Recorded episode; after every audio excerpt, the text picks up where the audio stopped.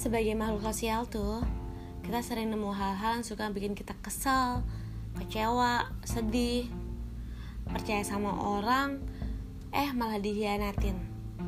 Udah anggap dia sahabat nih, BFF deh pokoknya, eh ditusuk dari belakang. Berharap setinggi langit, ternyata realita menjatuhkan kita sejatuh-jatuhnya. Kali ini aku mau bahas tentang sikap bodoh amat. Bodoh amat sama apatis itu beda ya. Bodoh amat itu peka, tapi kita berusaha menepis. Sedangkan apatis itu cuek atau acuh tak acuh terhadap sesuatu yang hubungannya sama emosional. Jadi memang bener-bener gak peka.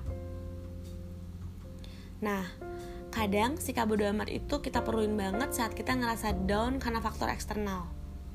Misalnya nih, kita tahu ada teman kita yang ngata-ngatain kita saat kita berbuat baik, kita dibilangnya pencitraan. Nah ya udah, kita perlu bodo amat sama kata-kata toksik yang bikin kita ngerasa nggak nyaman. Jangan sampai kata-kata toksik itu bikin kita malah jadi takut berbuat baik, apalagi ngajakin orang berbuat baik.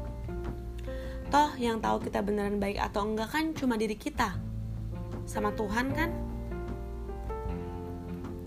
Jadi faktor eksternal nggak usah terlalu kita peduliin atau perlu kita bodo amatin kalau itu emang bikin kita down.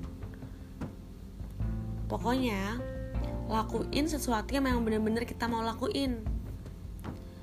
Kamu orang yang ramah, yang emang dari bayi udah nyengir mulu. Yaudah, silakan.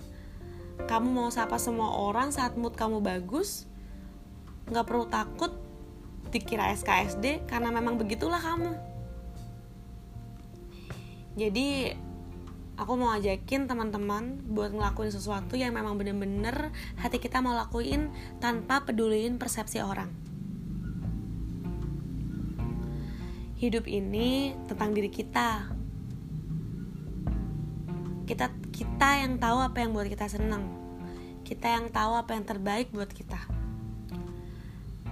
Hati kita yang tahu mana tempat ternyaman untuk kita berhenti buat mengikuti ekspektasi orang lain kalau kamu mau dapetin kebahagiaan.